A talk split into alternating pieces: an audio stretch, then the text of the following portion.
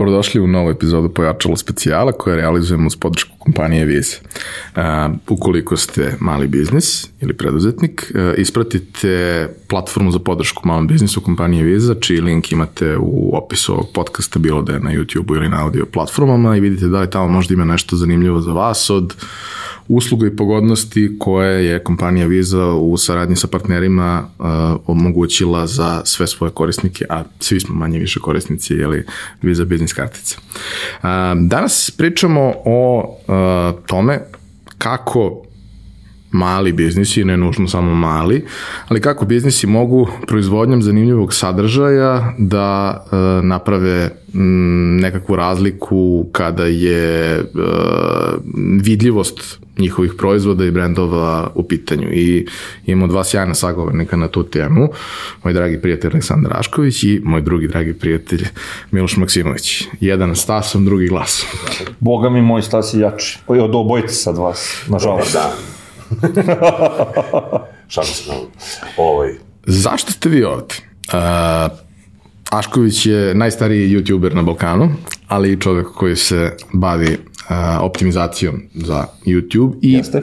konsultingom uh, Oko sadržaja, Za, oko jeste. sadržaja. Dakle, m, ono, kako neko ko prosto ne razume YouTube, sve ono što, tako što YouTube nosi sa sobom, da se na adekvatan način pripremi, predstavi i iskoristi potencijal koji donosi YouTube, koji je, kao što smo više puta rekli, druga, drugi najveći pretraživač na svetu i jedno od mesta na kojima ljudi provode najviše vremena.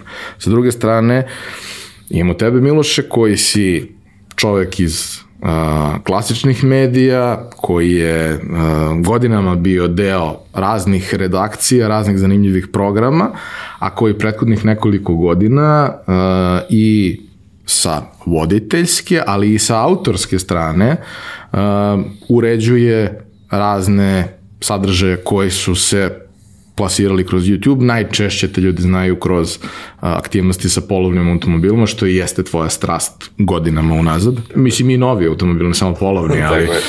ovaj, a bilo je i drugih eksperimenata koje si radio, što u saradnji sa, sa nekim drugim brendovima, što u onom jednom kraćem periodu kada ste ti i Nemanja Maraš imali eksperiment uh, uh, kao što žene imaju svoje influenceri, svoje kanale, ideja je bila da vi budete prvi muški influencer i muški kanal sa nekim zanimljivim sadržajima. Tako da uh, to je jedan mali okvir zašto ste vi ovde danas, a ono od čega bih hteo da počnemo je kako vas dvojica vidite YouTube sa konzumentske strane, odnosno šta je vama YouTube najviše doneo sa strane korisnika, slušalca, gledalca?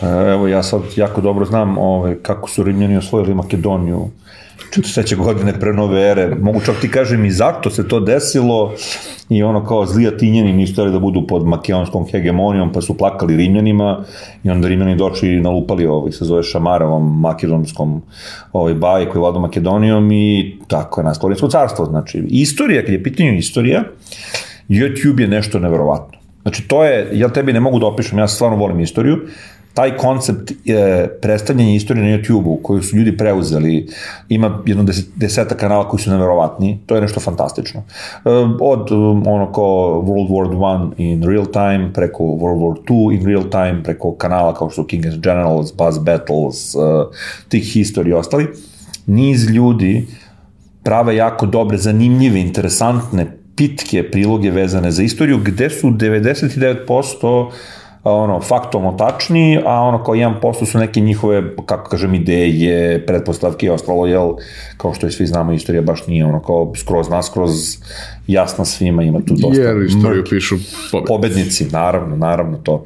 Tako da da, istorija i neke druge stvari, ono kao zabava, ono kao dosta klipova vezanih za, ne znam, ono, neke stvari koje mene interesuju, avijacija, videoigre i tako to. E, ja sam baš pričali smo, smo došli, i ja sam baš iskomentarisao, nešto smo pričali o televiziji, ja rekao, brate, ni ne palim više televiziju, evo, sam put sam palio televiziju pre neki dan kad sam gledao ovaj Formulu 1, jel kao to mora se gleda na televiziji, ne može drugo da se gleda i to je to. A ti? E, Meni je kao korisniku donelo, budući da jeste drugi najveći pretraživač, a, dosta inspiracije za neke stvari, a, isto kao što kaže i kolega Ašković. a, može biti izvor raznih saznanja. Teo sam malo čas da se, da se ubaci, ni samo važno da bude faktografski tačno, jer sam pre neki dan čuo za neki kanal, još ga nisam pogledao, a, da neka dva momka povezuju sve, znaš, ide onom Deretićevom linijom, mm. pa uključujući zaključak Rim, zašto se Rim zove Rim, Rim, Ram, Hram, sve je tu jasno. da pazi šta prati, jel? Ovo, jer može da nađe svašta, ali kao korisniku dono mi je to da, ja zapravo opterećujem, pošto imam dva mobilna uređaja, ja šaljem, dopisujem se sam sa sobom, ne znam koliko ljudi to rade, a, ili stavljam sebi u notes na nekoj od ovih aplikacija. Ja šaljem sam sebi na Facebooku poruke. To je to, to je to. to je to. Kako najbolja varijanta. Da, da, nećeš zaboraviti. Elem, ovaj, uh, uh, ceo taj koncept da ti možeš da gledaš ono što hoćeš onda kada hoćeš, a, je upravo po meni dono, nije to smrt televizije, ali da televizija je mnogo manje gledana, mlađe generacije, mladi ljudi ne gledaju više toliko televiziju, zato što sve što hoće i mogu da nađu u vreme kada im odgovara će zapravo naći na YouTube i onda mogu tu da prate jeli, svoje miljene kanale. Ja sam takav prosječan korisnik koji kad god ima slobodno vreme, ja sam u stvari na YouTube-u i gledam neke zanimljive klipove, da li je to Idiots in Cars ili, ili, ili neki zanimljiv automobil. Ili Rusi koji voze automobile. Na primer. Ovaj, generalno, jako mi prija kao korisniku i nekako je došlo odavno, da smo prošli taj, rekao bih, ovaj, taj kamen međaš, da kao kako je život izgledao u stvari pre nego što je YouTube postojao. Znači, ne mogu da, da, da se, on zapravo postoji jako malo, jako kratko Opet ovaj. nestak godina, ali realno do pre 10 godina mi smo se, kad su smešni klipovi u pitanju, razmenjivali CD-ovima i USB-ovima sa smešnim klipovima. I šali smo jedan drugom mailove gde su faktički dve kockice se spotaknu i padnu i mi smo u fazonu haha, baš je smešna ova kockica koja je pala. Pošto je kvalitet bio jako veliki. To bi samo se nadovežem, televizija nije mrtva, televizija nikad neće umreti.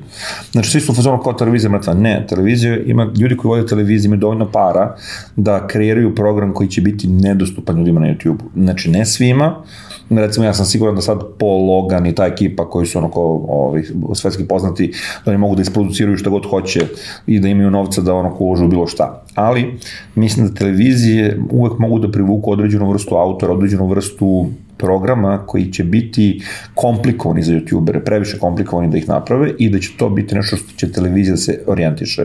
To i vesti i određena vrsta, ono kao vezana za veste. Eto, to će nešto što će televizija uvijek imati, jer kako vi ako niste ono kao ne znam u Afganistanu vi ne možete da dobijete kao youtuber možete samo da koristite tuđe vesti samim tim kasnite e, samo da kad kažeš informativa i vesti generalno to ovo znamo nije profitabilan program tu sad...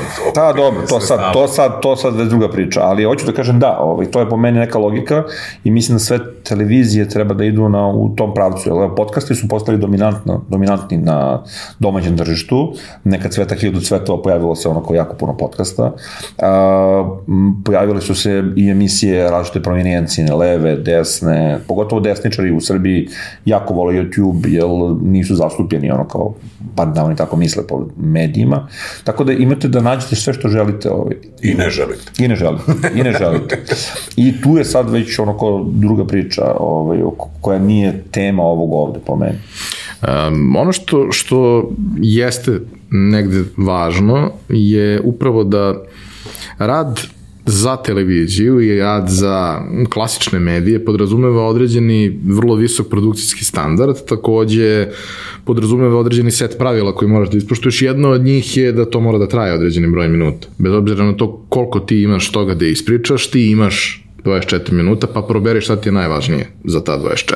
Ili 48 ili koliko god, nebitno, ali imaš svoj slot i bez obzira na to kakva ti je nedelja, kakva ti je priča, jedne nedelje će da ti bude previše to što imaš, a sledeće će da ti bude premalo.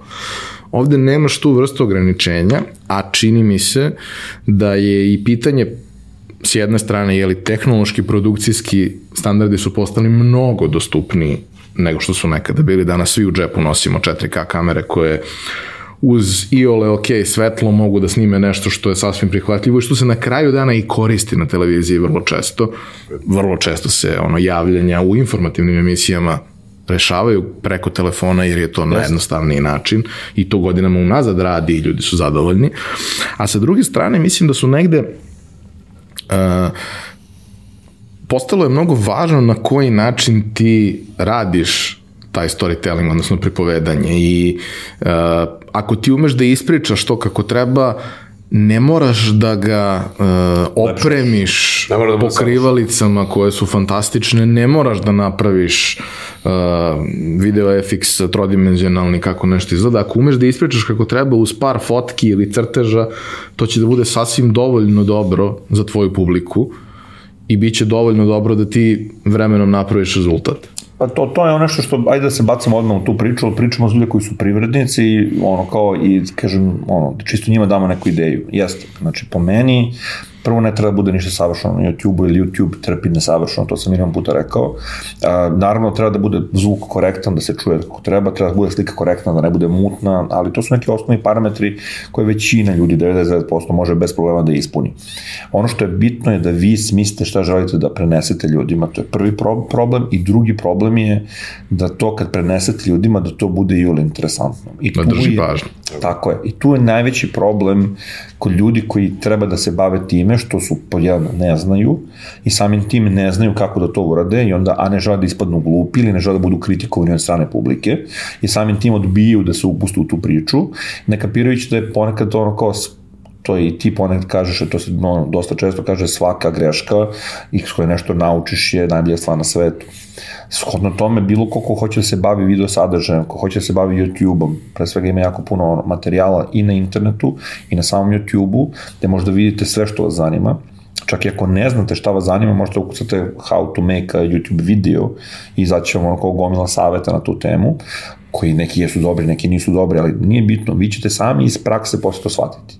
To pričamo o ljudima koji su mali, koji, imaju, koji su mali privrednici, koji nemaju dovoljno, da kažemo ono kao snage, finansijske da angažuje nekoga. Kad se pričamo o angažovanju nekoga, iako bi ja uvek angažovao Miloša za bilo šta što snimam, jer znam da je super profesionalac i će to da reši, But enough about me. Ne, ja mogu da kažem, to smo i pričali kad smo kad je bio u, u, epizodi. Jeste, ali jeste, tako je, tako je. Taj moment e, ja želim povremeno u životu, iako to nije baš na- najbolji način organizovanja stvari, ja želim povremeno da imam čoveka koga znam da ako ga bacim u vatru da će sve da bude okej i ti si, ako, ako je neko sa mnom preživeo toga mnogo, ti si, pa, znaš, kao, ja, šta, imaš 8 sati, popuni ga nečim. Tako da to se, to su se dešavaju, ćemo napisati scenario, pa ako stignemo, Da, da, da. a ako ne stignemo, ti ćeš ga improvizovati. E, ali vidiš, to je, to je, ali to je nepotrebno. Kilometraža. Tako je kilometraža i to je nepotrebno za nekoga koji je ono kao, kako da kažem, koji je neko koji je početnik. On, Miloš će mu doneti jako puno, ali mu neće doneti dovoljno puno u tom smislu da će on sad da reši sve svoje probleme time. Znači, mnogo je bolje da on pravi sam neki sadržaj, da i on može biti osoba koja to vodi, koja predstavlja, prezentuje um, i neće tako loše izgledati može njemu loše izgledati, a ako ne može on, onda može da ono kao, se zove popriča sa sinom ili sa čerom, jel, to sam baš i rekao pre ovog razgovora, jedna moja poznanica koja radila u školi, ona kaže da sva deca sada su jako okrenuta videu, da konzumiraju video non stop, njima je video prirodna stvar, oni znaju kako da se slikaju, znaju kako da se snimaju, znači ono kao pokušavaju da postanu poznati i možda neće biti srećan što mora da za zatinu firmu pravi videoklipove, ali tata ga hrani i oblači, pa možda bi mogao i nešto da vrati ocu. Ali kažem, to je neka varijanta koja je, znaš, e, ovo je prva generacija gde deca znaju više od roditelja za neke stvari. Oni imaju i ne samo da znaju, nego imaju iskustvo i znanje u ovoj se zove kad je u pitanju videoklip, kad je u pitanju društvene mreže koje roditelji nemaju. Znaš da recimo se meni često dešava kada pričam sa, sa klijentima, iako i dalje uglavnom u foto obliku, ne toliko u video obliku, ali recimo kada radimo neke prezentacije gde treba da predstavimo neki mali biznis i tako dalje. Ok, jedna stvar je treba da predstaviš osnivača, treba da predstaviš neke ključne ljude, da li je to, ne znam, tehnolog ili kogod je već ključan za taj posao, to, to je sve super. I uvijek kažem, hajde da imamo negde neki kadar, neku fotku sa osobom koja je u direktnom kontaktu sa kupcima. Pa što? Pa, pa zašto će tu osobu da vide? Ok, možda je taj biznis toliko mali da će videti osnivača, super. Ali ako je malo veći, ako je to 15 ljudi, ima neki komercijalista, ima neko ko je u prode, ima neko ko je CRM, Customer Relations, kako god, Ima neko momak ili devojka, kaže samo moment. neko čiji uh, izgled i čiji glas su oni koji su prepoznatljivi i oni sa kojima ćeš imati najviše kontakta. Recimo, meni lično je to, uh, na primer, uh, u real estate-u jako važno.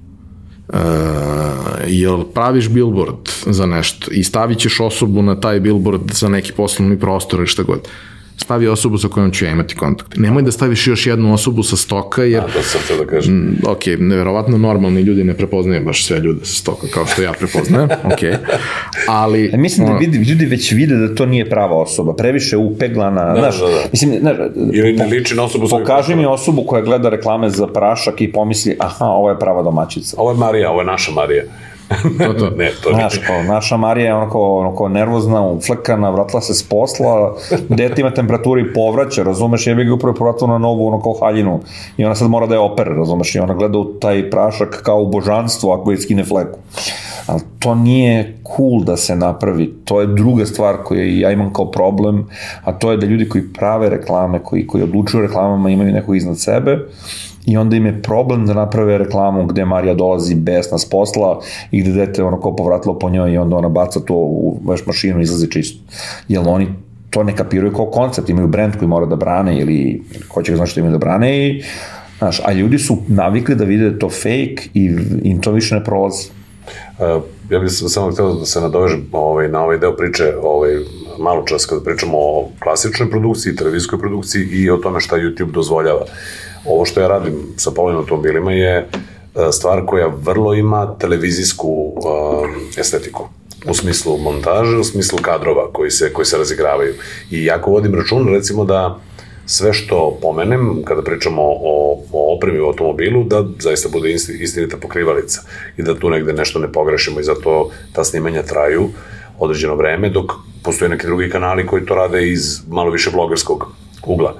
Dobro je da, da YouTube a, tr, trpi a, dosta toga i to je upravo dobro do tog oslobađanja, jer sa napretkom tehnike, ja sad kada si ti to pomenuo, setio sam se da sam pre 10 godina kada sam počeo time da se bavim, pa sam napravio jednu veliku pauzu od jedno 8-9 godina, ovaj, što mi je žao i negde mi i, i nije žao, ali možemo i o tome kasnije, a, jer sam među vremenu ja sazrao, ja sam tada radio sa prvom generacijom akcijnih kamera.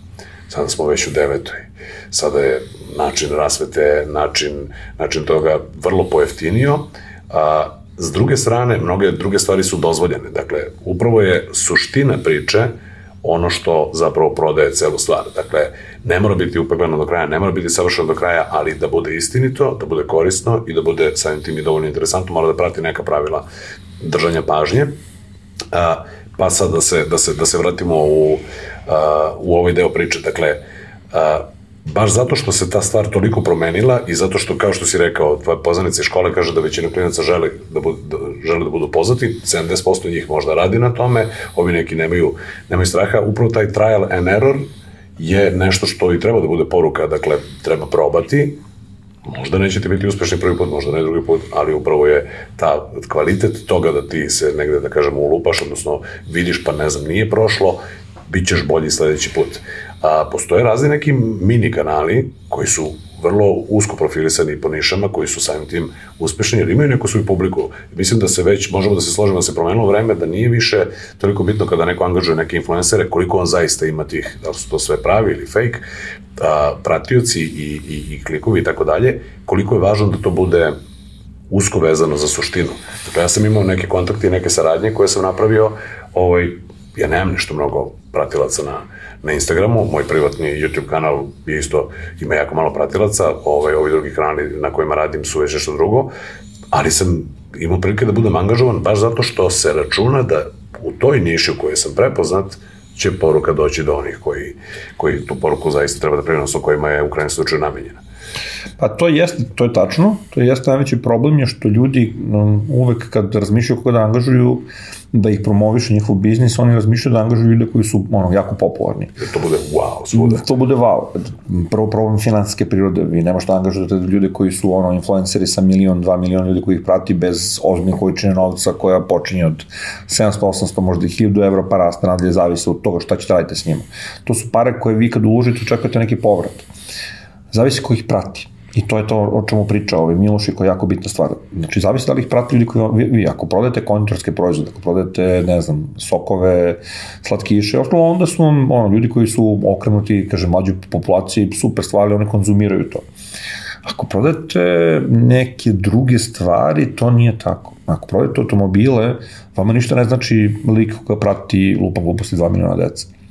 Mislim, to je ona stara priča da ti kada, kada ono, targetiraš oglase na Facebooku i neko ti kaže, ok, mi treba da promovišemo novi Mercedes, ajde da targetiramo ljude koji su lajkovali Mercedes. Ljudi koji su lajkovali Mercedes nisu ljudi koji mogu da kupe Mercedes. Većinom. Da. Većinom. Mislim, ok, možda 0,00001% može, ali to je u principu waste of time. Kao i generalno sa svim, sad to je već ulazak u ekstrem, ali sa svim uh, luksuznim stvarima, to što ljudi to prate, to što ljude to interesuje, ne znači da njima ima smisla da marketiraš sat od 180.000 eura. Tako je. Njima možeš da marketiraš nešto što je dostupno, a ima taj, taj tako moment. Je, tako je. Znaš, možeš da im uh, marketiraš luksuznu zanatsku hranu ili vino. Jer Tako. to je 20, 30, 50 eura, 100 eura, nešto što on sebi može da priušti.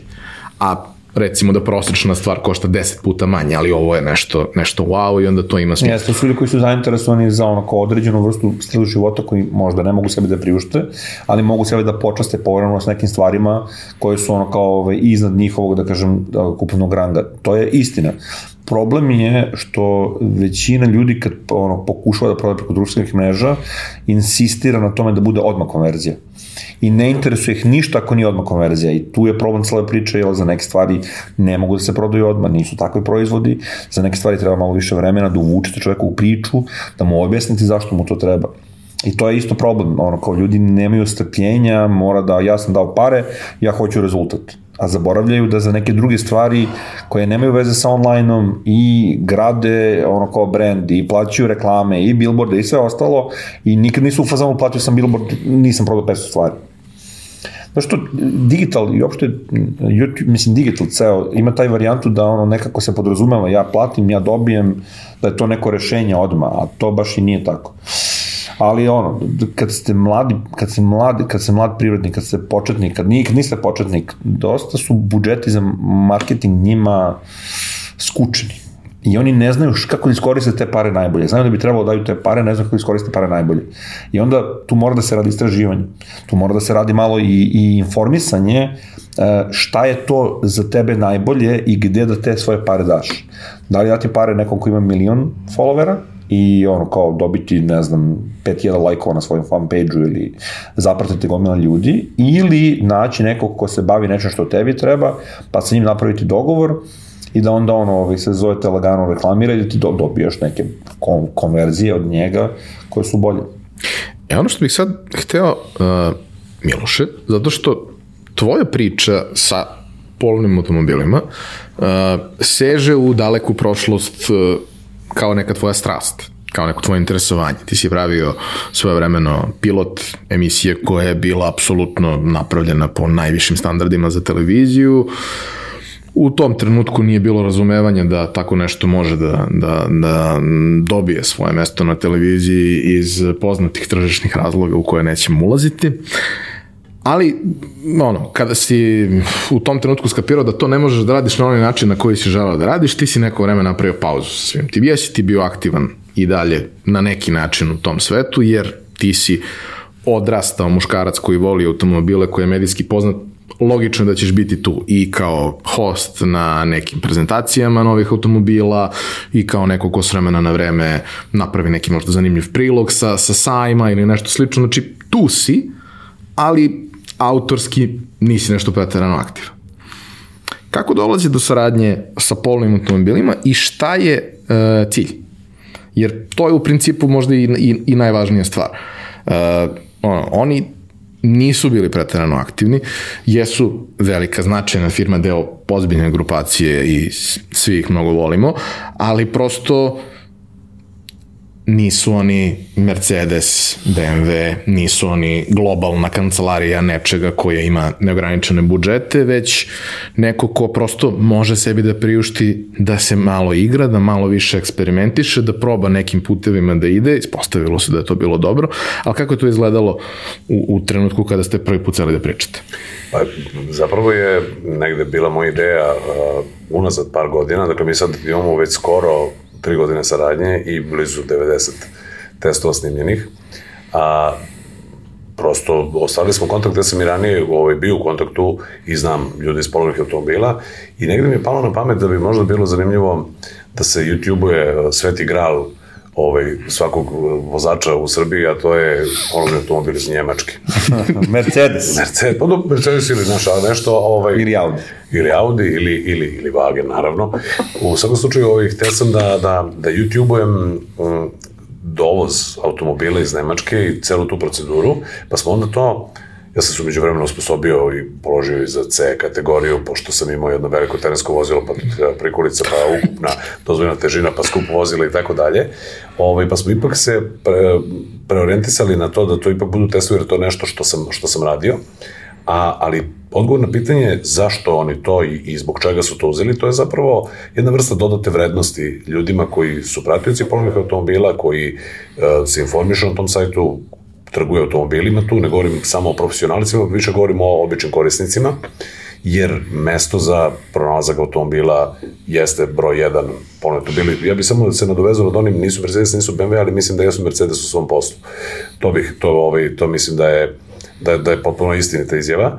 U svakom slučaju, ponekad a, pratioci kanala koji, sad možda malo pravim i digresiju, ali sam svakako hteo na to da dođem, koji ostavljaju komentare, na primjer, izašao je klip sa BMW-om M2, koji je jedan sjajan automobil, ima dva u Srbiji, jedan moj prijatelj je ovaj, u posadu ovog koga smo snimili, i stvarno me oduševio automobil, sad ponekad ljudi ostave komentar, ovo niko ne može da kupi, jer to je nabavljeno po ceni od 45.000 euro blago polovno.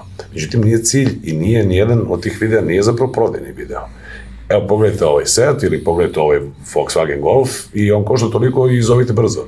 Ne. Radi se o tome da mi zapravo pokušamo da damo jedan prikaz modela, da ljudi koji sutra žele da kupe takav automobil ili razmišljaju o takvom automobilu mogu da ocene kolika zaista ta kaseta ispred suzača, postoji čuvena referentna užina koja je uvijek iste, iste kesa, čips ili kokica, ali se zna otprilike kojih je dimenzija. Da li ima dovoljno mesta ako ste prosečno građan, ja mislim da sam negdje prosečno građan, i kakvi su neki utisci o motoru. Sad tu ima raznih situacija, raznih ovaj, a, ponekad i prepucavanja u komentarima da li bolje s ovim ili s onim motorom, ali je cela, bila, cela ideja bila da se zapravo korisnicima i pratiocima ovaj, sajta Polovni automobili i budućim vozačima i sadašnjim vozačima da jedna dodata vrednost.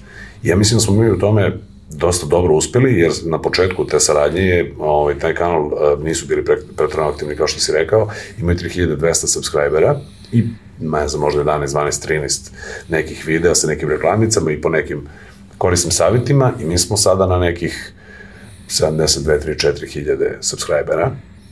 A, bilo je bilo je tu i organskog rasta, bilo je malo i, i boostovanja na početku preko mreža da to što više ljudi vidi. I ja i dalje dobijam neke komentare, druže, može li Jetta druge generacije i tako dalje, pogrešno ljudi misle da, da bilo šta što postoji na oglasima jednostavno mogu da pozovem i kažem dobar dan, možemo mi da snimimo vaš automobil, to bi nam bilo korisno za kanal, Iako znam da, da postoje jeli, kupci koji kupuju do 3000 evra, pa postoje ovi koji kupuju između 3 i 6, 7, pa onda ova druga grupa i oni koji, koji gledaju isključivo novo vozilo ili blago polovno vozila. A, prosto proces nije takav, zato što je proces kreiranja, u kome možemo detaljnije kasnije, a, je vrlo komplikovan, prosto nabaviti vozilo koje je dostupno, ti si čovjek koji koristi vozilo svaki dan, zamisli sada da te ja zamolim, ti bi meni izašao u susret, ali šta voziš ti tih dva dana dok ja uzmem tebi te automobil? Drugo, šta ćemo ako se s tim automobilom nešto desi? Saobraćaj je živa stvar. A imao si situaciju. Bilo je, bil, bile situacije, bilo i nekih situacija, a, a, može svašta da se desi, dakle, potpuno drugačiji ugao ako ti meni daš tvoj privatni automobil, koji može i na prodaju, i nešto se desi na snimanju, ne našom krivicom, pa možda i mojom našom krivicom, a, ili ako se to desi sa automobilom koji je zapravo novi ili blagopolovni automobil koji dolazi od uvoznika, koji je uglavnom kasko osiguran. Dakle, šta ćemo ako se on nešto ošteti ili šta ako neko ponudi automobil na, na testiranje, a nije baš, kako bih rekao, stabilan, i mi vratimo automobil, ništa se ne desi sa njim, sve prođe dobro i on jedan put kaže, pa nešto se čuje sada. Znači, šta ako nalitaš na stevu, stevu žiguna koji misli da se, da se nešto čuje. Ja sam imao jednu ponudu, ne znam da li će da ovaj podcast pogledati taj, taj mladić, ali ponudio jedan zanimljiv automobil i pitao je jel, da li može da bude prisutan na snimanju. Ja sam pitao, je pitanje poverenja ili prosto je znatiželja u pitanju. Ja ne rekao, pa znatiželja, ali znate, ja nisam do sada nikome davao automobil.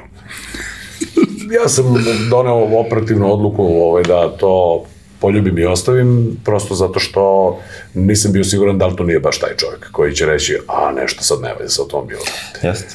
To je jako nezgodna situacija. Pr prvi, prvi znak za uzbunu, ne u ovom konkretnom slučaju, je bio kada, recimo, zastava ovaj, 101, jedan kec koji je vrlo, vrlo, vrlo ovaj, očuvan primerak, stari primerak, jako lepo sređen, uh, jedan gospodin ima, ima taj automobil i pričali smo o tome da ga možda ovaj, snimimo, a onda je on rekao, ovaj, dobro, koja je garancija? Mislim, šta se dešava ako ga bi on njemu vredi sve pare na svetu, dakle, on nije na prodaju, to on čuva, to je kolekcionarski primjerak i šta ćemo zaista da, da uradimo ako se desi neko, neki karambol na snimanju. Tako da, ovaj, malo sam raširio ovu priču, ali do, do saradnje je došlo, da kažem, polu spontano, a, zajednički prijatelji su ovaj, i radili jedno vreme i rade u toj kompaniji, ja sam sa njom imao dosta kontakata i nekako se desilo, mi smo se stalno nešto peckali i, i družili viđali po tim nekim konferencijama i onda je ovo nekako prosto spontano nastalo. Jako sam zadovoljan tom saradnjom, nadam se i oni, mislim da, da, da su zadovoljni gledalci pre svega što je najvažnije, zato što to jeste niša gde oni zapravo saznaju te neke informacije. Ti kad pogledaš ti testovi zapravo vrlo liče jedan na drugi, po formi. Pa strukturno da. Strukturno da, i mislim da to I jako... to jeste važno. To jeste važno jer to onda gledalci znaju šta to mogu da očekuju. Dakle, bit će ovaj, o motoru, bit će o, o dimenzijama, kako se vozi, šta se dešava sa tim motorom, možda bude tu i nekog malo zdravog humora, možda negde ja i promašim za nekim, sa nekim fazonom, a možda bi trebalo da, čak da bude malo opušteniji ovaj, u nekim klipovima. U svakom slučaju, ovaj, ljudi znaju šta to mogu da očekuju i e, ja primećujem po brendovima vozila kako ti klipovi prolaze. Znači, ako jeste BMW ili Mercedes, to će da bude odmah jako gledano. Volkswagen jako dobro prolazi. Recimo, bila je Honda Jazz, koja je jako sporo došlo do nekih 25.000 pregleda, prosto ne interesuje ljude. E, hteo bih samo jednu stvar da te pitam, uh, pre nego što damo malo prilike Jašković, ono ne može sedi ovoliko dugo i da ćuti. ovaj, a to je... Zanimljiva je priča i zapamti da si stao. Hoću da kažem sve što se tiče za polovne automobile. Zašto je to dobro? Zašto ima dosta mali broj domaćih kanala koji rade testiranje automobila, predstavljanje automobila kao on na srpsko-hrvatskom jeziku. I to je nešto čemu mora da vodiš računa, da ono kao imaš jako puno na, na zapadu ljudi koji na engleskom testiraju gomilu stvari, ali engleski nije baš dostupan svakome ovde, a onda imaš Miloša koji ovaj, to radi na, bo, jako solidno, jako lepo i ljudima to interesantno da gledaju, zato što imaju ne, sadržaj koji im je interesantan na jeziku koji njima treba. I to je nešto što treba da shvatiš. Da kao, bez obzira što postoji nešto na engleskom, ako nema na srpskom, ućeš imati publiku. Uh, upravo hoću da pričamo o, o, o tome kako praviš izbor. Ok, deo automobila koje si vozio su automobili koje smo svi želeli da vozimo u nekom trenutku kad smo bili mali, srednji ili malo veći. Prosto ono kao potpuno je ok da posebno u tim nekim posebnim prilikama, novogodišnjim i tako dalje, uradiš test nečega što je ili ekskluzivno ili posebno interesantno. Ali to je jedan određeni procenat, ne preveliki deo tog sadržaja. Mm, sadržaj koji, koji radiš jeste u suštini uh, ono što je ljudima najinteresantnije, odnosno bili su predstavnici manje više svih automobila koji su među najprodavanijim ovaj, i najinteresantnijim to je nešto što prosto i polovni automobili, a i mi kao ono, ljudi koji prate tržište i po prirodi stvari, znam šta je ono što ljudi najviše vole, šta je ono što je najviše interesuje i da, postoje različite kategorije, ono, do 3, od 3 do 5, od 5 do 7, od 7 do 10 i maša. ovaj, I različite očekivanja svih tih ljudi. Ali kako ti uh, praviš selekciju? Šta ćeš snimati? Imaš ograničenja koja su realna svakako, ali kako praviš uh, plan snimanja za neki naredni period? E, nekada je e, ta stvar inducirana, da tako kažem, time da se javi neko od uvoznika i kaže, evo mi sad imamo automobil, da li si raspoložen da testiraš taj, taj određeni model ili novi model koji se pojavio na tržištu, a nekada se radi o tome da, da ja sedem pa razmislim ko od mojih prijatelja ili poznanika bi mogao da ima neki automobil koji verujem da će, da će biti zanimljiv. A kad govorimo o prijateljima i poznanicima, lakše ovaj, tako se organizovati za snimanje, pre nego da zaista, kao što sam malo čas rekao, da kao ja okrenem nekog random sa oglasa i, i pitam ga da može da mi da automobil. A, imao sam jedno, sam mala digresija, ali, ali u, u, u vezi sa tvojim pitanjem, A, primetio sam jedan a, Volkswagen model je u pitanju ovaj, u mom kraju i vidim da čovek okačio samo papir na njega da se prodaje.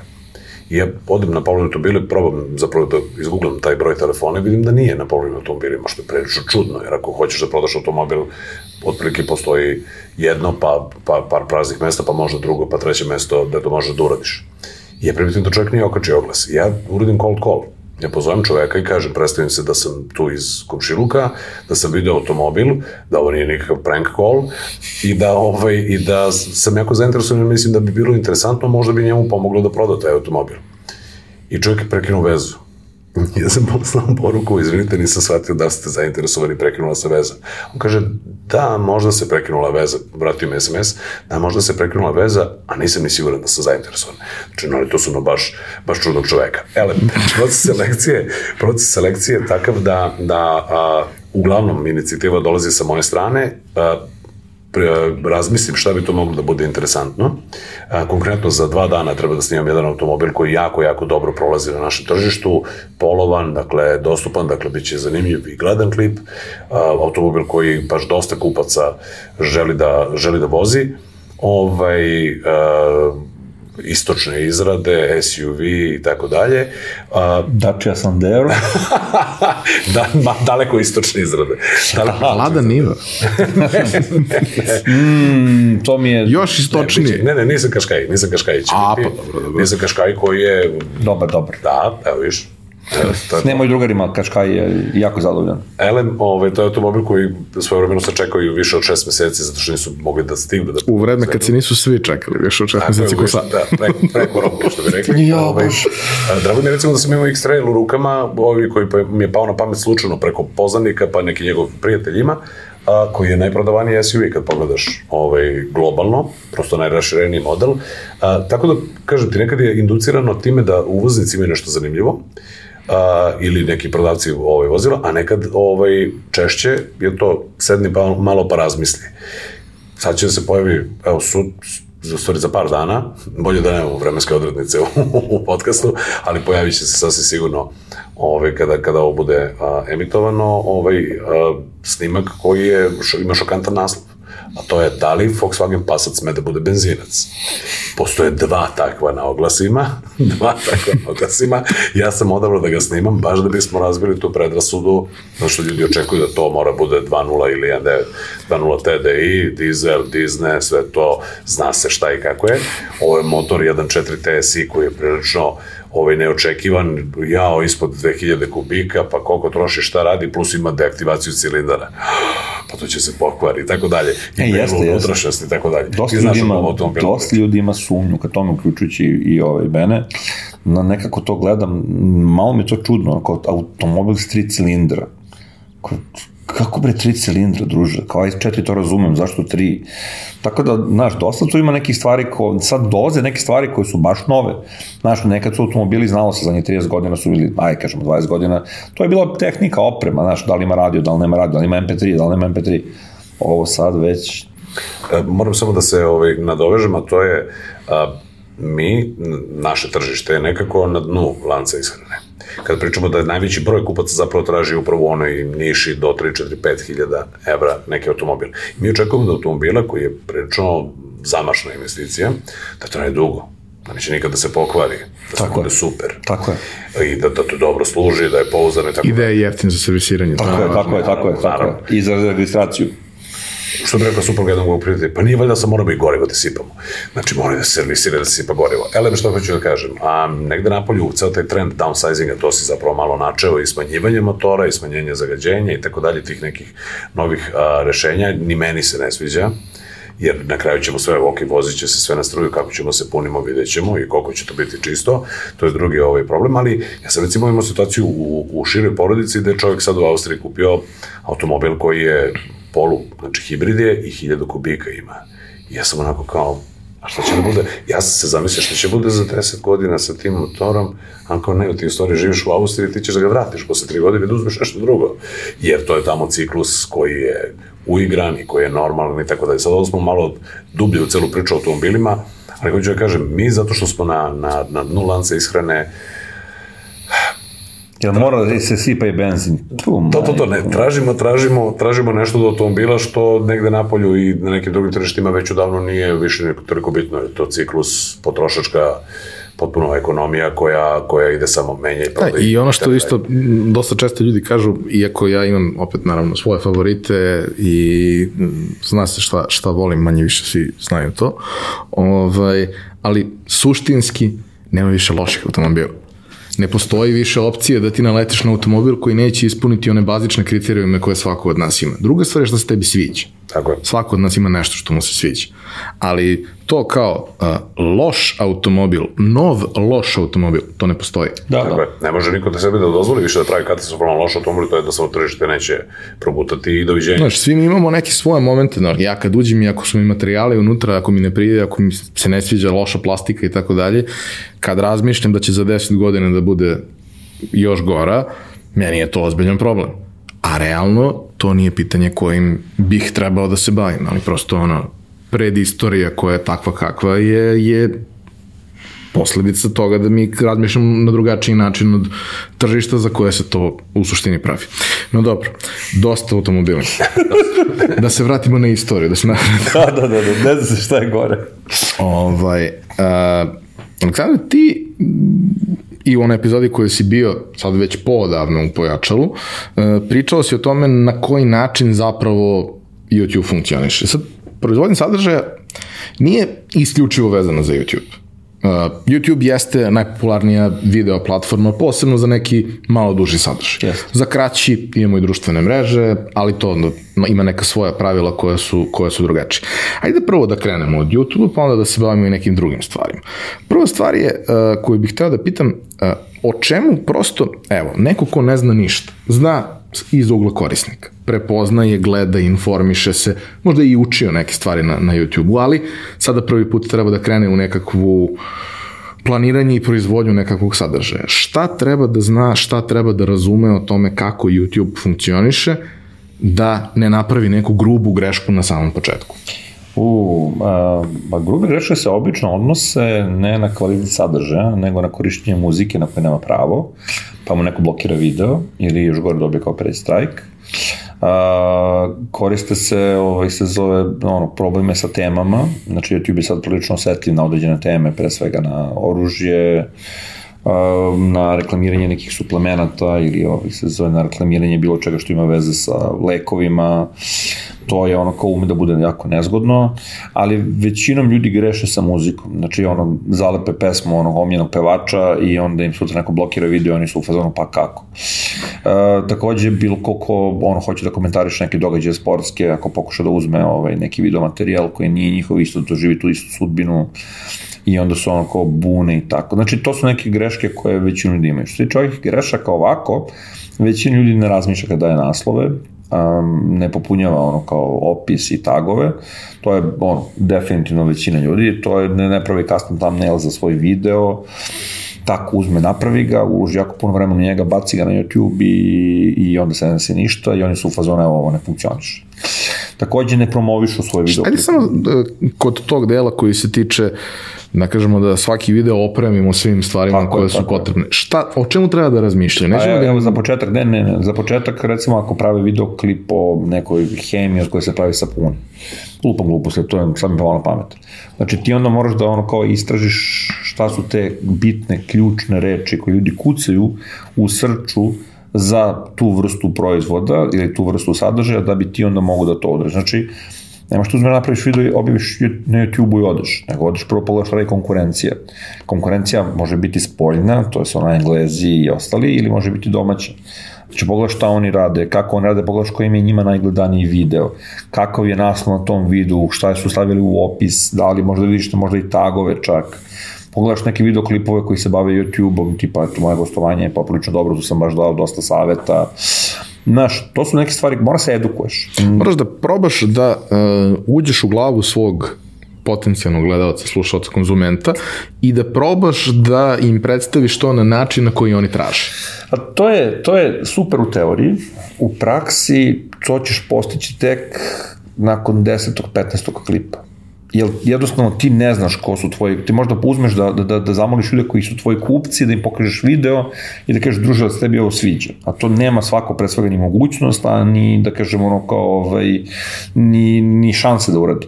I onda ti moraš da, da, da malo pipaš u mraku i kažem, prvo gledaš šta rade ljudi oko tebe, pa onda pogledaš šta su oni dobro radili, šta misliš da je dobro, šta ti kao neko ko sa strane, onda pozoveš malo familiju, pozoveš, ne znam, prijatelje, druže vidi ovaj video, kako ti, da ti drži temu. Znaš, treba mora da popriča s ljudima, a ne samo da uzmeš da smisliš, da, znaš, ono, ljudi iz anksioznosti, iz nervoza, ono, snime to i kao, to je to. Ne, to daješ opred da izbacim, ne tako je, ću da ga opravim. Tako je, tako je. I to je problem, znači, naslov mora da bude dobar naslov, znači ne treba bude clickbait naslov. Malo automobilima. Ja sam recimo izbalio, izbacio samo, ali da se nadovežem pa samo nastavi, o, izvim što te prekidam. Malo pošto. E, nisam obratio pažnju, prosto nisam video da je Jure Šebalj testirao Golf R od 300 ovaj, konskih snaga i ja sam, ja uvek dam predlog polovim automobilima i ja napišem i opis videa, kao što pišem i scenario i prosto razrađujem celu stvar. Ja dam predlog od nekoliko naslova. Neki od njih su pitanja zašto je ovaj auto popularni, pogledajte ovo i tako dalje. Ja sam dao predlog za Golf R Vuku Jagnjiće koži. Ispostavio se da pod istim, pod istim naslom je otprilike Jure Šebel to radi, pa su to ljudi, to sam vidio tek u komentarima, tu sam tu grešku da nisam to pogledao. Prosto, to je jedna. Što se tiče thumbnaila, to moram da grešim, jer thumbnail je uvek automobil. Ovaj... Da, ali da, to je sad problem, znači, ajde da kažemo naslov. Znači, naslov, eto, možda bude isti naslov kao konkurencija. To nije dobro, jer taj video ima viši rang i samim tim teško će doći kod tebe. Ali naslov koji je kao konkurencija, pa ga uzmete pa ga malo promenite. Znači, Slično. tako je, to može biti dobar naslov. Opis, opisati proizvod, napisati što su to bitne stvari unutra, davati neke linkove ka svojim sajtovima, ka društvenim nalozima, mogućnost da se naruči ono, kao staviti broj telefona, e-mail, što god želite, nebitno je, staviti grafiku na ekran, pogledajte opis za više ono kao sadržaja, staviti grafiku na video, naručite tako i tako, znaš, ono kao staviti, to je ono što je bitno, thumbnail, jasan, vojite računa gledati ljudi na telefonu. Znači mora da bude jasan thumbnail. Vi kad pravite thumbnail... Da ne kažemo krupno dovoljno da bude. Kako kaže ona kao moja draga, ovaj se zove ovaj, bolja polovina velika glava. Znači to, to je bitno da bude velika glava, da bude osmeh, da bude emocija neka. A to je to neko istraživanje da ako imate na thumbnailu čoveka sa otvorenim ustima, to je veća šansa da neko ovaj pogleda tam, tam, tam nail je utiče na njega, da vidi šta je to njega toko iznenadilo i šokiralo. Dobro, tu pričamo pre svega o ljudima koji prave nekakav sadržaj gde je osoba u centru pažnje. E, recimo, ali Kada je u pitanju proizvod... Proizvod, onda je... Otvorena hauba. Tako je, tako je, tako je, pa detalj, neki detalj koji je bitan, neki detalj za koji vi znate da je bitan vama ili ljudima koji će da konzumiraju taj sadržaj. I tu se sad testira. Danas ćete staviti otvorenu haubu, sutra zatvorenu, preko ćete uzmete haubu pa da je on otvorite, zatvorite otvorite pa u Photoshopu napravite pola-pola, to je sad već testiranje. Ali ne treba komplikovati, ne, ne, ne, bolje je testirati bolje. nego se ulagati previše vremena. Ne, ne, ne, jednostavno to je to i ne samo to, znači vi jednostavno gledate kako ljudi prolaze, imate analitiku na YouTube-u koja vam govori, znači ono koja ovde imate tačno koliko click to rate, koliko ljudi videlo, koliko ljudi kliknulo i to je najbolji pokazatelj za vas da li nešto valje, ne valje, što je veći click to rate, to znači da ste tu bolji posao uradili i treba da na neki način to ponovite šta treba da znamo uh, od toga šta je YouTube-u važno kada je naš sadržaj u pitanju? Da ga što duže gledaju ljudi. Samo to. I ništa više. I da ima što više komentara ispod videoklipa. Ili reakcije, bilo kakve. Komentari. Kakav? Jel primate stranu valutu? Primam, najviše volim marke. Pa dobro, mislim, Marko su valuta. Jeste, jeste, ali marke primam najviše. Deutsche marke, da. Komentari. Pri, primetno, primetno u videu gde testiram automobil koji upoređujem sa Passatom, i kažem, ovo je udobnije, a ovo je, malo je zaposleno, odnosno na Passata forma da je u pitanju, ja postavim pitanje u videu i kažem šta biste vi radije vozili, napišite nam u komentarima. Tako je. I onda tu komentari eksplodiraju, to je jako dobro za kanal, a dobro i ljudima da daju sebi oduška. Jeste, znači uvek je potrebno, znači to se zove call to action, to je divne ove srpske reči, no. znači morate da ono kao u videu kažete šta vi mislite, dajte na svoje mišljenje o ovome, da pozovete ljude koji vas gledaju, da oni učestvuju u kreinu sadržaja, jer su ljudi na to navikli. Ja sam, ja sam ono, urađujem nekoliko destina kanala, i ti komentare koje ljudi ostavljaju, ja se češam po glavi, ovako razmišljam, šta je druže tebi spo, op, spopalo te da ostaviš tu vrstu komentara u 12 pre podne, razumeš, da su ono kao vanzemaljci, CIA, Vatikan, jer kao razmišljam, od 12 sati ujutro razmišljam o Vatikanu, druže, kako nas ono kao, znaš, zavera CIA. To, na sportskom kanalu. Na sportskom kanalu, druže, znaš, kao daj, ono kao, to je u 12, valjda je to, znaš, kao to je već ono kao u 7-8 uveče, kad svađa kući, popio dva piva, setio se te šef maltretirao i kao, ma sad ću da mu kažem sve, bre, razumeš? To je kao kad izađe video Renault Koleos, opet malo automobilima, izađe video Renault Koleos koji traje možda i 12-13 minuta, a, nije objavljen je pre minut i već ima dislike. Znači ja imam subscribera koji dolazi samo da dislajkuje. Okay. To, to je dobro. To je plus, dobro, plus to je dobro. komentari, a šta, šta sa velikom flašom? Jer evo pokažem koliko ima mesta u džepovima u vratima da može stane velika flaša i onda komentari, a man, više sa velikom flašom. Onda ja ponekad odgovorim, pa jer vi niste putovali negde malo više, par stotina kilometara, da ne staneš na svaku pumpu da uzmeš malu flašicu sa vodom. Ali to je nekim ljudima korisno, ali neke izuzetno iritira. I to je totalno okej. Okay. Kako ja kažem, gajite svoje hejtere, Znači, ono kao, da, bukvalno gajite svoje hejtere, Howard Stern je napravio karijeru na tome i ne samo Howard Stern, Jake Paul, ono, čovjek koji je ono kao postao bokser, ono, kao da me ne bi neki bokser našao na ulici iz, i premlatio što ga nazvao bokserom, znači sa znacima navoda, ovaj, zašto ga ljudi ne vole. Jer, ali to je taj moment koji sad nema veze s ovom samom pričom, a to je kad imate mogućnost da da širite taj sav taj uticaj, ili ti influence, ili kad vas ljudi jednostavno prate da vidi šta ćete da kažete, pa nebitno da vam se to sviđa ili ne sviđa, to je ono, kapital i bit će kapital sve više i više. I svi ti ljudi koji postaju mladi privrednici, koji imaju neke svoje Instagram naloge, Facebook naloge sa par hiljada pratilaca, to će u nekom momentu kad postane firma, postati njegov kapital, jer će on kroz te kanale komunikacije moći da predstavi te proizvode inicijalnoj količini ljudi, prema što bude imao para da napravi neku drugu varijantu. Pa čak i taj YouTube kanal koji pravite i na njemu objavljujete recenzije filmova ili knjiga ili video igara ili nečega, u nekom momentu vi možete kad porastete da to predstavite da postane nešto drugo. A i ne mora. Ali da se vratimo na ovu varijantu, znači, rekli smo, thumbnail treba bude jasan, treba da nema puno ono kao varijante, treba da ima neki tekst, taj tekst ne mora biti isti kao i tekst naslov videa, može se razlikuje. Od... Ali mora da bude relevantan trebalo bi da bude relevantan. Mislim, samo rizikujete da čovek koji vidi thumbnail uđe, vidi video koji mu se ne sviđa, izađe sa njega. Što nije dobro. Pa, generišit će mali watch time, kad dovoljna količina ljudi generiše mali watch time, YouTube prestaje servira taj video. I onda ste u problemu. Naravno, postoje način da se to zaobiđe i da se je vara algoritam, ali kad se onako skroz naskroz, moj savjet je da ljudi to ne rade, ja uvek kažem bolje je blagi clickbait, bolje da zainteresujete čoveka, nego da ga lažete otvoreno i da posle rizikujete da on to više neće da gleda. Šta treba da znaju kada je u pitanju uh, planiranje sadržaja, odnosno storytelling kako treba da izgleda? Uh, da to traje. Znači, ne možete sa dva videa rešiti sve svoje probleme. Odmah kad spremate, spremite unapred barem 10, 15, 20 tema, ne mora da sve teme da obradite, ne mora, ali... Ne morate da ih razradite sve Tako je, tako je, tako je. No, o čemu ćete da pričate, i većina stvari o kojoj ćete vi da pričate, ako ste mali privrednik, vi znate to, bavite se time za Boga. Znaš, recimo, lupam gluposti, dosta obućara postoji, ono kao, mada to kao lagano, jel, umire zanimanje, ali nikako da umre, pošto, jel, do 3000 evra automobile. Pa dobro, vidi, ja imam neke ono sandale koje bi trebalo sad da se malo udar, udari džon. Ne znaš, sad, kao šta obućar može da priča? Kao to uvijek bila priča meni kao šta obućar može da priča. Kao može da priča o tome kao, znaš, kao kako izabrati pravu, ovaj se zove, ovaj, pravu obu, oduću za, obuću za rad recimo ovaj se zove za nož, to čuvena priča kad smo bili u Boru, držali smo neko predavanje i kao, i ustaje baja, eto, ja ću se reklamiram na YouTube, jako super, šta radite pravim noževe? Znaš, ako zbunjen. U tom trenutku je bio super trend na YouTube-u, ljudi su se grijavali noževe na par hiljada stepeni i ono kao sekli, ono kao, ne znam, lubenice, sve što može da eksplodira od toplote, ovaj, u slow motion eto ti ono kao bukvalno dokazuješ da nož koji praviš je ono kao dobro kvaliteta i u stvari imaš zanimljiv sadržaj.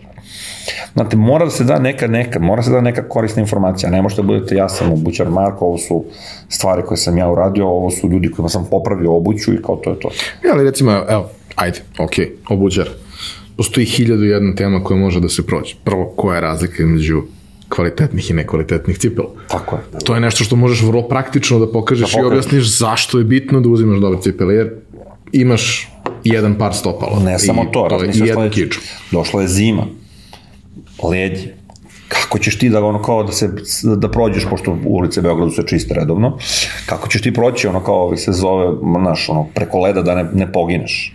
To je druga stvar. Pravilno održavanje obuće. stvar. Ali ne moraš ni tu da budeš. Zašto ti ne budeš obućar koji priča o sportu? Znaš, sad, ta, ono kao, to je drugi moment cele priče. Ti jesi obućar, snimaš se u obućarskoj radionici, imaš povremeno neke stvari koje su vezane za obuću, ali voliš Zvezdu, ili voliš Partizan, ili voliš Formulu 1, i ti sad pričaš o tome. Ti praviš svoj online presence sa nečime što je tebi konkretno ono kao bitno i kroz to provlačiš svoj posao. Ne moraš da budeš, znaš, dosta ljudi fokusiraju usko, kao ja pravim noževe i šta sad radim sad s nožem? Da bodem ljude. Znaš, kao, mislim, ne ide, ne ide. Malo U i ne znam. saobraćaju Pa, vrlo da, često dođe. U saobraćaju je bolja bazuka, da budemo realni.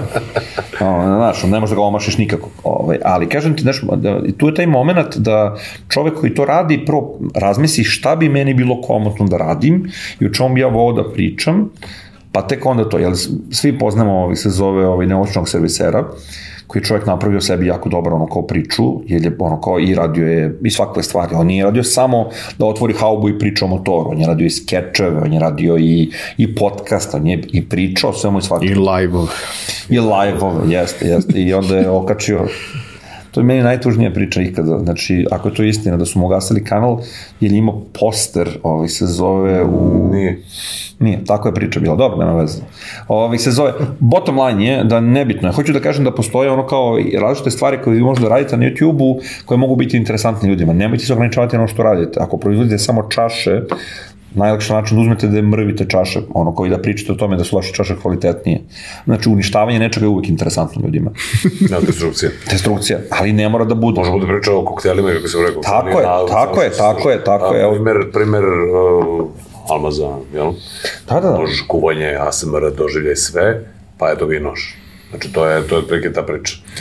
E, ono što bih hteo još, e, da kažem, u, u završnom delu ovog razgovora da, da pomenemo, jer to jeste važna tema, doticali smo se, ali nismo, nismo ušli u suštinski u nju. A, Miloše, ok, ti si lice tog kanala i ti si autorski taj koji postavlja većinu stvari. Dobar deo su testovi, ali ima i druge stvari, ima korisnih saveta, sezonskih stvari koje su vrlo važne, ono, da nema tebe niko ne bi znao da stavi ovaj, kako se, lance na kola i tako dalje i tako dalje. A, to, to jeste, to jeste big deal. A, to je cool. Ono gde e, se vrlo često pravi značajan iskorak je trenutak kada uključiš još neke autore, kreatore e, koji već imaju svoju publiku i vi jedne, jedni druge gurate, jedni, jedni na druge se piggybackujete, da tako kažem, da, da napravite neku veću publiku. A, bilo je dosta takvih saradnji u kojima si ti učestvovao.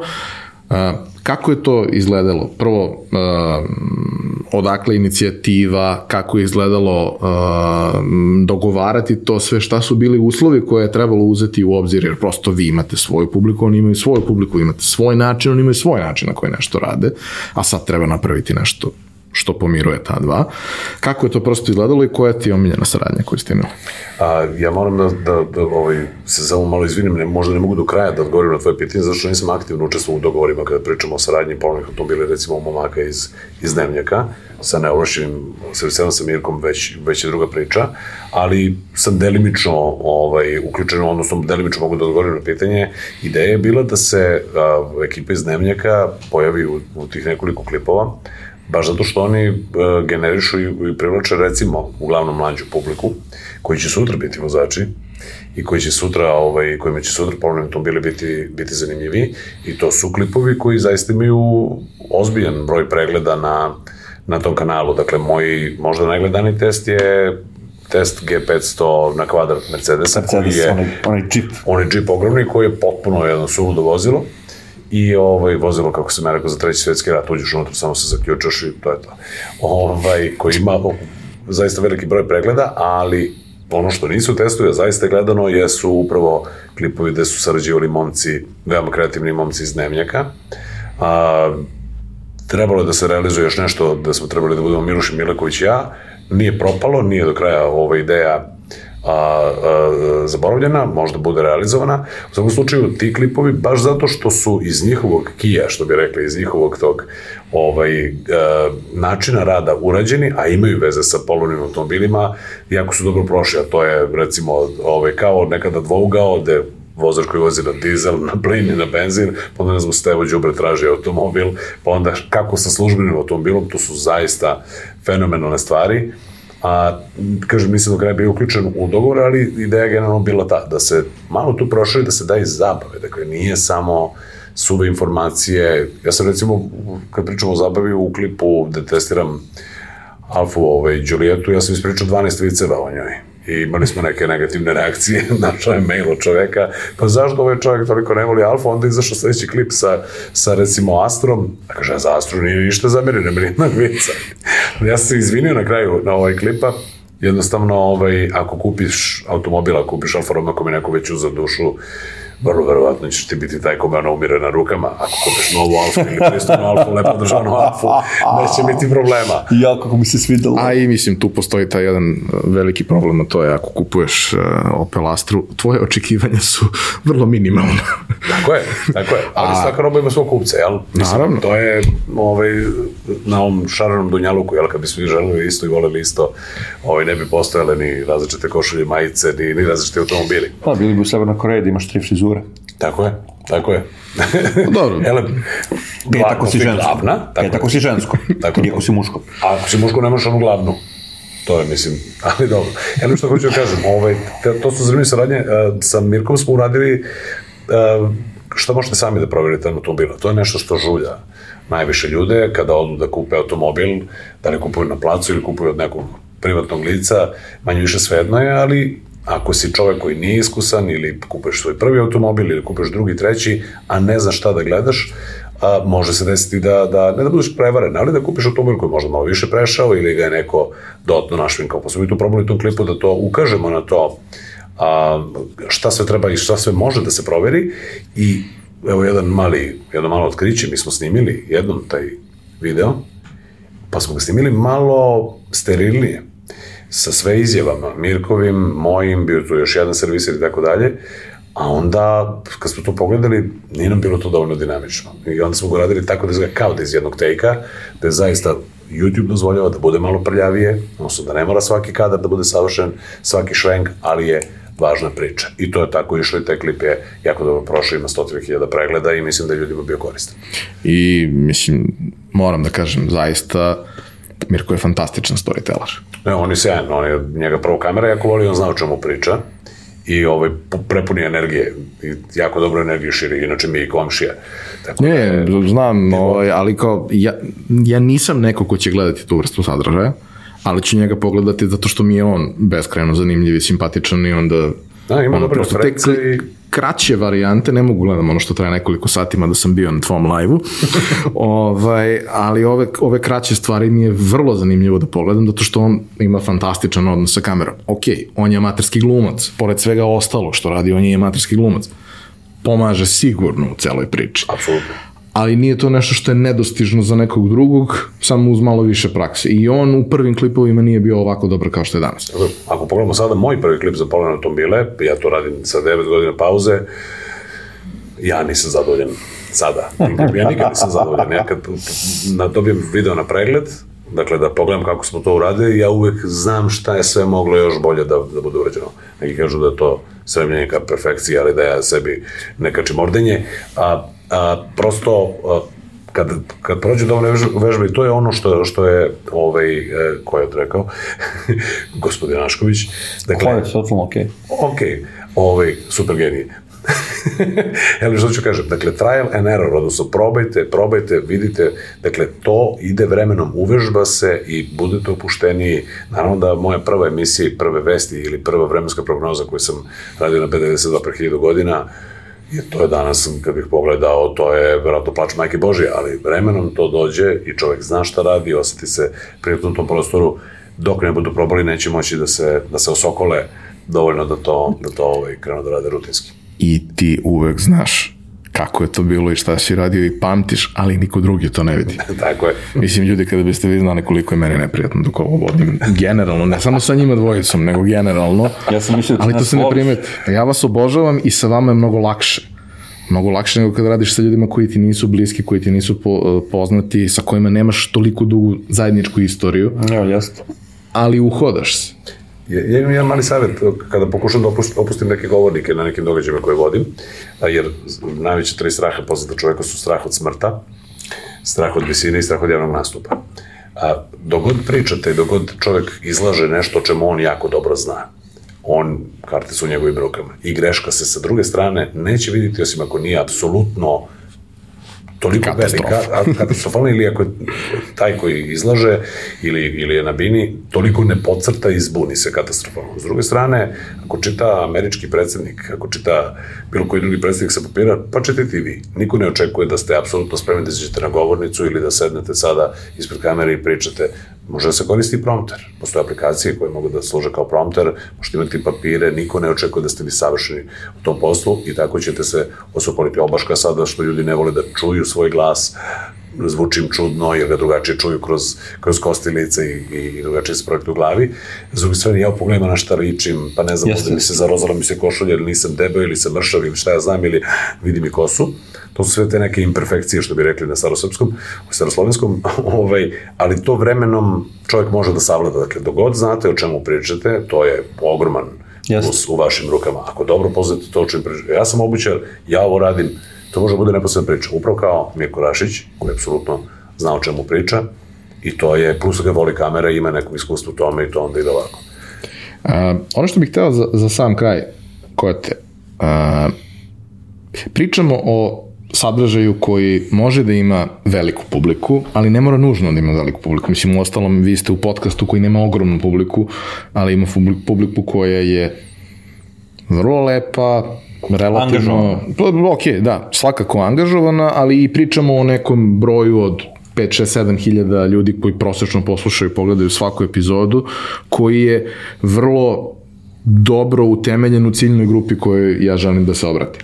Uh, neko bi možda rekao, kada ulazi u, u, u takvu priču, da nije vredno truda da nije vredno truda raditi nešto što će videti par stotina ili par hiljada ljudi i vrlo je teško, verujem, e, prebaciti tu barijeru da broj ljudi je jedna stvar, a broj publike, odnosno broj ljudi koji su ti relevantni za ono što tebi treba je nešto potpuno drugo. I to ako je videlo 300.000 ljudi koje ne zanima to, nisi postigao ništa. Ako je videlo 300 onih koje zanima, možda ćeš imati nekakav rezultat od svega toga. To jeste najveći problem. To jeste najveći problem. Ljudi ne mogu da se pomire sa malim brojkama, uh, ljudi ne mogu da se pomire sa negativnim komentarima i ljudi ne mogu da se pomire sa time da to nije ostvarilo nešto što oni očekuju. Pogotovo ako su naterani na to, ako on sam sebe naterao da se snima i snima 15 pregleda.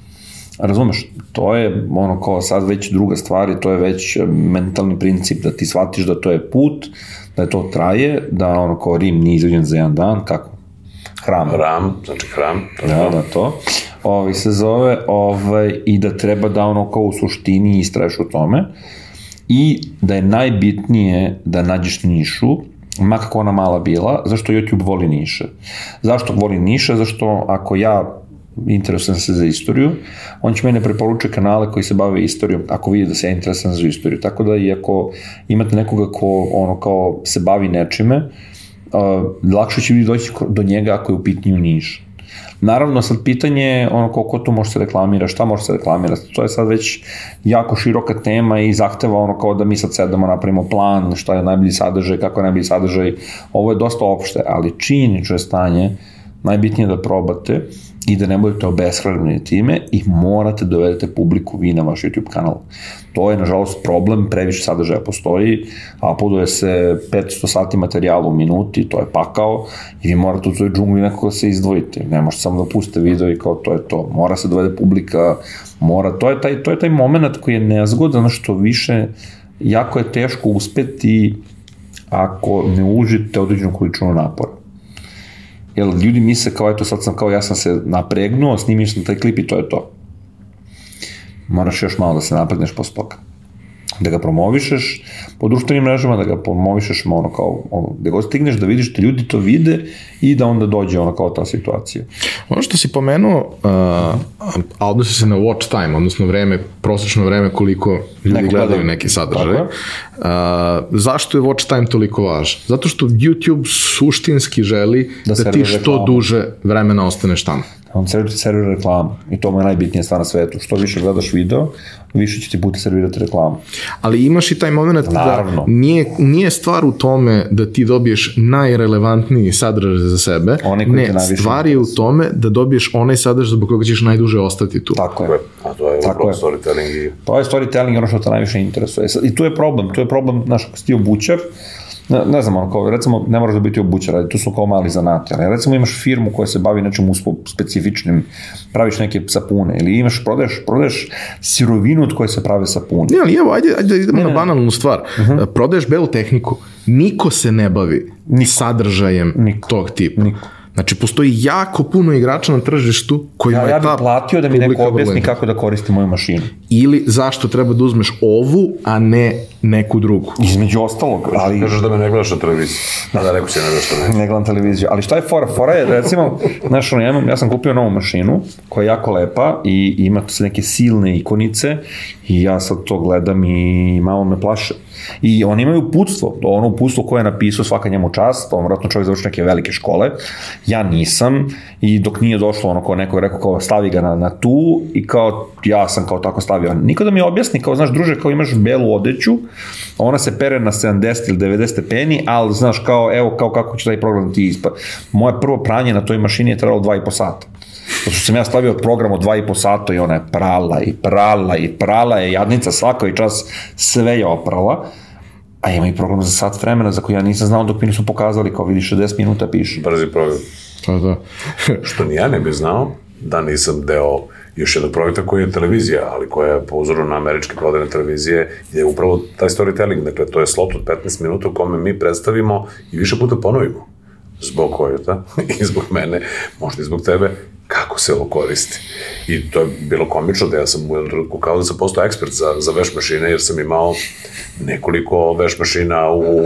Dovoljna količina veš mašina i onda sve već i znaš ono Da, program. kao, to je to, kao ovoliko bubanj prima, ovoliko praške i tako dalje. Sve je to super dok ne odeš u Japan i ne dobiješ uh, uputstvo od domaćina kako se koristi WC šolja, jer WC šolja ima 18 tastera, a to je stara WC šolja, ona ima samo 18 tastera, ove nove imaju tipa 60 i na uputstvu, pošto je na užasno lošem engleskom, imaš zaokruženo zelenom koje dugmiće smeš da diraš i ostale na kojima piše ne pipaj. A to je jednostavno ono, izgleda ti kao uh, ona, harmonika dugmetara. Znaš, sad, vučete da pritisneš, ali jednostavno previše... Ali ne dok sediš. Previše rizično. Uglavnom, ovaj, momci, hvala vam. Hvala tebi. A, mislim da smo pokrenuli neke, neke teme za razmišljanje. Ne verujem da smo baš previše toga korisnog ljudima rekli, ali nije ni poenta da možemo da rešimo problem, poenta je da pokrenemo na razmišljanje i damo neka usmerenja gde, gde ljudi mogu da nađu a, više informacija a, vezano za, za proizvodnju sadržaja i kako sadržaj može da im pomogne kao biznisima. A, hvala našim prijateljima iz kompanije Visa a, na celom ovom serijalu. Ovo je poslednja epizoda u, u, u ovoj turi, iako smo imali jednu malu pauzu koja je bila prouzrokovana rasporedom odmora i a, situacijom sa koronom i svim ostalim. A, verovatno će se ovako nešto nastaviti. Bilo je sjajno ove, praviti ovako sadržaje za vas. A, drugačije je kada imaš temu, nego samo kada imaš ljude sa kojima pričaš, jer onda je čovek tema i to je u redu, ali previše toga ostane nedorečeno, jer je samo jedan deo života. Ovde imamo neke vrlo konkretne teme kroz koje smo prolazili i ceo ovaj serijal specijala verujem da može bude vrlo interesantan, u jednom delu se bavimo i o tome uh, kako zapravo da samostalno producirate ovakve sadržaje, što može da bude interesantno i uh, da to bude pitom maksimalno pristupačno i da ta ulazna barijera bude što niža. Bilo kako bilo, hvala vam na pažnji, hvala našim prijateljima iz kompanije Visa, posetite uh, njihovu platformu za podršku malom biznisu, link je u, u opisu ovog podcasta. Mi se vidimo u redovnim epizodama svake naredne nedelje.